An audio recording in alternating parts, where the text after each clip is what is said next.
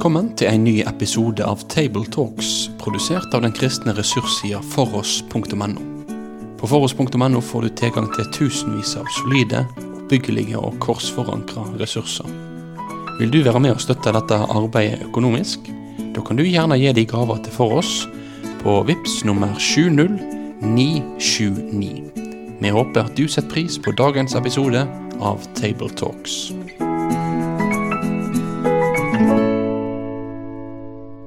Hjertelig velkommen til en ny episode her av Table Talks. Og Mitt navn er Vegard Soltveit, generalsekretær i Den norske Israelsmisjonen. Og sammen med meg så har jeg to andre, og den første det er deg. Jorunn Sjåstad. Jeg er redaktør av Bibeldeseplan Logos og arbeider i Bibelselskapet. Og jeg heter Espen Hetland, og jeg er konsulent for digital bibelbruk i Bibelselskapet. Og vi er gjengen som skal prate sammen om en flott bibeltekst som er kjent for mange, og den står i Matteusevangeliet, kapittel 21, og det er de første ti versene, elleve versene er det faktisk vi leser. Og vi leser i Jesu navn. Da de nærmet seg Jerusalem og kom til Betfage ved Oljeberget, sendte Jesu to disipler av sted og sa til dem, Gå inn i landsbyen som ligger foran dere. Der skal dere straks finne et esel som står bundet og har en fole hos seg. Løs dem og lei dem hit til meg. Og om noen kommer med spørsmål, skal dere svare, Herren har bruk for dem. Da skal han straks sende dem med dere. Dette skjedde for at det ordet skulle oppfylles som er talt gjennom profeten. Si til datter Sion, se, din konge kommer til deg, ydmyk er han og rir på et esel og på trekkdyrets fole. Disiplene gikk av sted og gjorde som Jesus hadde sagt, og hentet eselet og folen. Så la de kappene sine på dem, og han satte seg opp. Mange i folkemengden beredte kappene sine ut over veien, og andre skar greiner av trærne og strødde på veien. Og mengden som gikk foran, og de som fulgte etter, ropte, Hosianna, Davids sønn! Velsignet er han som kommer i Herrens navn, Hosianna i det høyeste. Da han dro inn i Jerusalem, ble det uro i hele byen, og de spurte, Hvem er dette? Og mengden svarte, Det er profeten Jesus fra Nasaret i Galilea. Og dette er teksten vi skal prate om. Og Espen, du er jo litt ny i, i Tabletalks med oss, men du har eh, sagt til meg på forhånd at du har sjekka en del opp i de gammeltestamentlige referansene og mer, og det er jo mange referanser fra Det gamle testamentet her. Mm. Ja, det er det. Eh, og, det er jo åpenbart at dette er eh, Det er jo mye forventning knytta til Jesus når han kommer inn i, i, Jerusalem. Det er jo derfor folk samler seg, både fordi de vet hvem er han som kommer, og de har jo venta på en som skal komme. Eh, Jesus eh, viser jo først til at det vi nå skal gjøre, det skal vi gjøre fordi det er talt gjennom profeten. Og det er egentlig to profeter da, som det er talt gjennom. Det første ledd av det her sitatet sier til datter Sion henta fra Jesaja, og andre del henta fra Zakaria. Um, og begge disse tekstene taler jo om en, en, konge som skal komme til Jerusalem. Så det er denne fred, eller i hvert fall en seierskonge, da, som israelsfolket venter på. Og Det er jo ikke bare eh, profetiene, tenker jeg, men det ligger jo òg en del sånne gammeltestamentlige forventninger i hele Matteusevangeliet. Matteusevangeliet begynner jo egentlig med ei slektstavle av Jesus som drar denne kontinuitetslinja tilbake igjen til skriftene. Og det gjør eh, Matteus her òg. Egentlig er det jo Jesus, når han ber de finne et esel. Og i Det gamle testamentet og jødisk tradisjon så blir jo faktisk esel av og til forbundet med, med, kongen som kommer. I første Samuels bok så blir kong David salva til konge av profeten Samuel. Han er en gjetergutt, og så skal han ri til Saul og gå i tjeneste hos kong Saul. Og da er det faktisk en esel han blir sala på og rir mot Saul. Og på den måten så vil det jo klinge et gammeltestamentlig liksom klangrop og når Jesus kommer ridende. Han er jødenes konge, han er Israels konge, og han er verdens konge. Og disse bildene, sammen med profetiene som ligger der, det gjør at denne ramma, den er, eh, hva skal vi si da, rotfesta i det jødiske jordsmonn. Her kommer han. Og dette tror jeg er et viktig poeng for uh, Matteus å vise gjennom hele evangeliet, og knytter Jesus, hvem han er, hans person, inn til de messianske forventningene, og kongsforventningene kanskje særlig, som vi finner i Det gamle testamentet. Det er jo ikke bare kongsforventninger hos folket, tydeligvis. Fordi at eh, når de blir spurt senere, etter at eh, inntoget er over, og de blir spurt om hvem det var som kom, så sier de at det var profeten Jesus fra Nasaret i Galilea. Så her er det både kongen og profeten som kommer riende inn. Ja, for Når folket roper senere Hosianna, Davids sønn, så der har vi jo helt eksplisitt koblinger til David. Når jeg roper Hosianna i salmene, oversetter vi det gjerne med Herre frels. Og Det er jo ikke så vanskelig å skjønne dette når israelsfolket med sin historie med eh, okkupasjon under forskjellige makter her står under det romerske folket, og de får denne forventningen om Davidskongen som kommer ridende på et esel de har en tanke om hva denne kongen skal gjøre. Og så vet vi, og Matteus vet det, og Jesus vet det best av alle, at det som skal skje, kommer nok ikke helt til å leve opp til forventningene som dette folket har, da, når de ser Jesus komme ridende. Det er jo kanskje det som er det store mysteriet òg. Altså, hvordan kan det ha seg at her roper de av Davids sønn, og så kommer noen kapitler senere, og så er det snudd. Og og der er det nok gjort en del sånne bibeltolkningsfeil, tror jeg. da. Altså Denne mengden her er jo kanskje den som fulgte Jesus allerede. Som hadde sett hva han hadde gjort, og vært med. Og så er det kanskje noen andre i møte senere. Dette vet vi ikke. Men det vi ser her, det er iallfall en sterk forventning, eh, og det er klare messianske trekk. Både fra Det gamle testamentet og til nåtid. Her er han. Vi venter ikke lenger på Davids sønn. Og jeg syns jo kanskje det er noe av det sterkeste eh, i Det nye testamentet om Jesus, han som er kongen. Disse forventningene, og så viser da Guds trofasthet. Han som lover dette til David så mange år før, han holder det. Her kommer han som virkelig er frelseren, redningen og den store profeten. Altså, alt blir jo samla i han. Og så tenker jeg at han rir jo òg inn til Jerusalem for én spesiell grunn.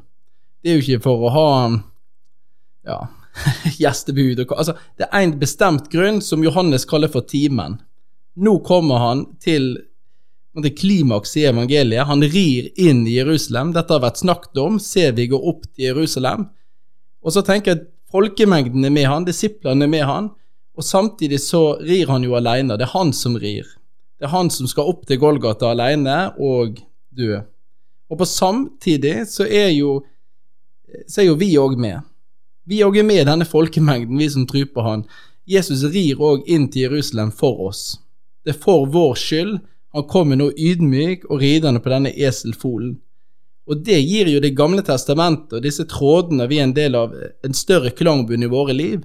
Når Gud lover David en sønn og en frelser fra hans slekt, så tenkte han faktisk på oss tre òg. Når han rir inn i Jerusalem, så er vi, vi er med. Og det syns jeg er litt sånn stort, da. Ja, og det er kanskje litt av grunnen til at denne teksten er tatt på første søndag i advent. Det er et nytt kirkeår som starter. Vi, vi starter med Jesu fødsel, som er om fire, drøye fire uker. Eh, og da ser vi at det er Når denne teksten her er brukt på samme dagen som på palmesøndag, så tenker jeg det er veldig viktig å holde de to tingene sammen. At han som kommer i jula, han er ikke en annen enn, han som kommer i påska. Det er den samme. Og han skal gjøre det samme for alle som, som uh, kommer, eller som slutter seg til den mengden som hyller den. Jeg tenker Det er noe av det viktige med jula, at vi klarer å presentere julebudskapet og adventsbudskapet i, i denne sammenhengen med påske, som du er inne på, Jorunn. Og Det kommer jo godt fram i denne julesangen 'Fra krybba til korset'. Og Det viser jo denne første teksten, som du sier. Han rir altså inn, det er første søndag i advent, og samtidig er denne tydelige linken til Jesu gjerning for oss. Så jeg synes det var det, det, er et godt poeng å ta med når du preiker i denne teksten her, syns jeg. Og så, og så, er det en setning på slutten her som, i vers 10 som er fascinerende. For hvis vi holder juletida, adventstida og påsken sammen på denne måten, så er det jo et paradoks her som oppstår. For i adventstida så snakker vi gjerne om det en stille perioden, den rolige perioden. Og Det kan vi òg snakke om denne stille uka i påsken. Mens her i vers 10 så står det at det blir uro i Jerusalem når Jesus kommer. Det er akkurat som liksom, det buldrer litt i byen av han her som de har Sikkert mange i Jerusalem som aldri har sett Jesus, aldri har møtt han, men de har nok hørt om Jesus og alt han har gjort. Så Derfor stiger liksom spenningen her. Det er jo noen som sier at eh, ordet som er brukt for uro, er litt svakt. At egentlig var det et lite jordskjelv som, som kom i og med at eh, han var der, og de begynte å snakke om han. Ja. Det har jeg òg lest, og da, eh, og da er det ikke svakt altså det, det norske språket som er svakt, for det ordet som er brukt, er at her, her skjer det virkelig noe. Og det håper jeg jo at vi kan bruke adventstida til, og våre liv som medmennesker der vi er, til at det blir snakk om hvem er denne Jesus? At vi klarer å leve våre liv og forkynne på en sånn måte og møte våre medmennesker sånn at det blir litt uro. For det er jo det som skjer når Jesus kommer inn. Nå rir han inn i Jerusalem, men hvis vi drar et litt større bilde, et åndelig bilde, så kan han jo eh, ri inn i våre liv. Og, og, og, det er jo det vi ønsker òg. At Jesus skal bli kjent, han skal bli trudd, han skal bli etterfulgt, for han er jo kongen. Og da er det et jordskjelv. Og tenk også det som, Denne uroen som blir beskrevet, er jo en sånn Hvem er dette? Hvem er denne Jesus fra Nasaret? Og det må jo være noe vi kan be om og jobbe for, at i denne adventstida som nå ligger framfor oss, at menneskene rundt oss de må spørre dette spørsmålet Hvem er Jesus fra Nasaret? Jeg er helt enig, og så ser vi at de temaene Jesus tar opp, i etterkant av dette, det er jo kanskje de tyngste og noen av de tekstene vi syns er vanskelig å jobbe med, kanskje. Eh, men, men alvorsgrad synkes i hvert fall ikke etter dette. Det, det er akkurat som at um, ja, sånn som du sier, at nå kommer vi inn i klimakset av historien um, som Matteus forteller oss.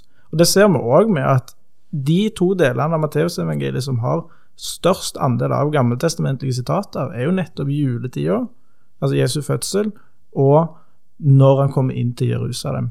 Så her er det Ja, vi er virkelig i klimakset av Matteusevangeliet. En helt annen vinkling som, som, enkelte har gitt denne teksten, det er jo dem som synger barnesangen 'Hvorfor valgte du en eselfole, Jesus?'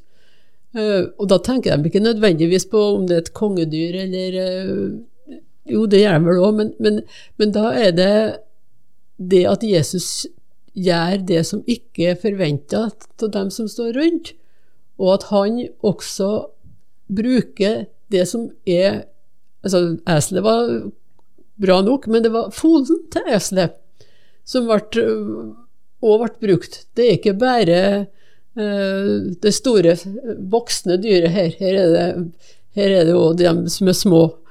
Og da tenker jeg når vi leser litt eh, lenger ned i teksten her, så må han anta at i den gruppa som sto og ropte Hosianna, så var det òg unger. Det snakker jo Jesus om litt senere eh, i, i, teksten, eller ikke senere etter teksten, på tempelplassen, når de syns at det har gått litt over styr, det der inntoget hans. Så sier han om om uh, de har tida, så skal steinene tale. Men han kommer òg der med et sitat fra Det gamle testamentet om at småbarns og spedbarns munn har du latt lovsang lyde. Og da tenker jeg, det er ikke bare de voksne her som skal få lov til å ta imot, det skal òg dem som er små. Enten de er små i alder, eller små etter det som vi tenker i kunnskap og innsikt det er et veldig godt poeng å, å ta med inn i jula, at jula er en jul, eller en høytid for alle. Jesus er for absolutt alle. Og I denne teksten så blir det ikke gjort noen forskjell på alder osv. Jeg, jeg tenkte på en annen ting òg.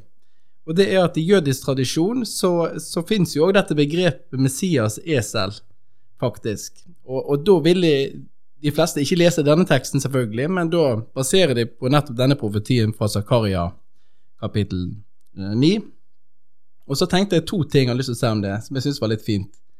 Eh, I vanlig rabbinsk tradisjon så ligger det jo Messias esel det siktet til de siste dagene, når Messias skal komme, og, og det som profeten Zakaria snakker om. Eh, men på dagligtale i, en jødisk eh, tradisjon så betyr det egentlig det å gjøre ja, Beklager ordbruket, men rett og slett altså, dritt, drittjobben for andre. Det er det, og det syns jeg var litt interessant, og, og, og, når jeg hørte det, det altså Messias esel, det er faktisk å gjøre noe for andre som vi ikke hadde trengt å gjøre. Det var andre sin jobb, men så kommer du og gjør det. Messias esel, altså eselet som bærer. Eh, og så tenkte jeg litt på det med, med lyset fra Matteusevangeliet òg, da. Han som kommer for å gjøre noe for andre. Her er det jo eselet som fysisk bærer Jesus, men samtidig i det store bildet så er det jo Jesus som egentlig kommer bærende med vår skyld. Med vår skam, med alt vi har, egentlig.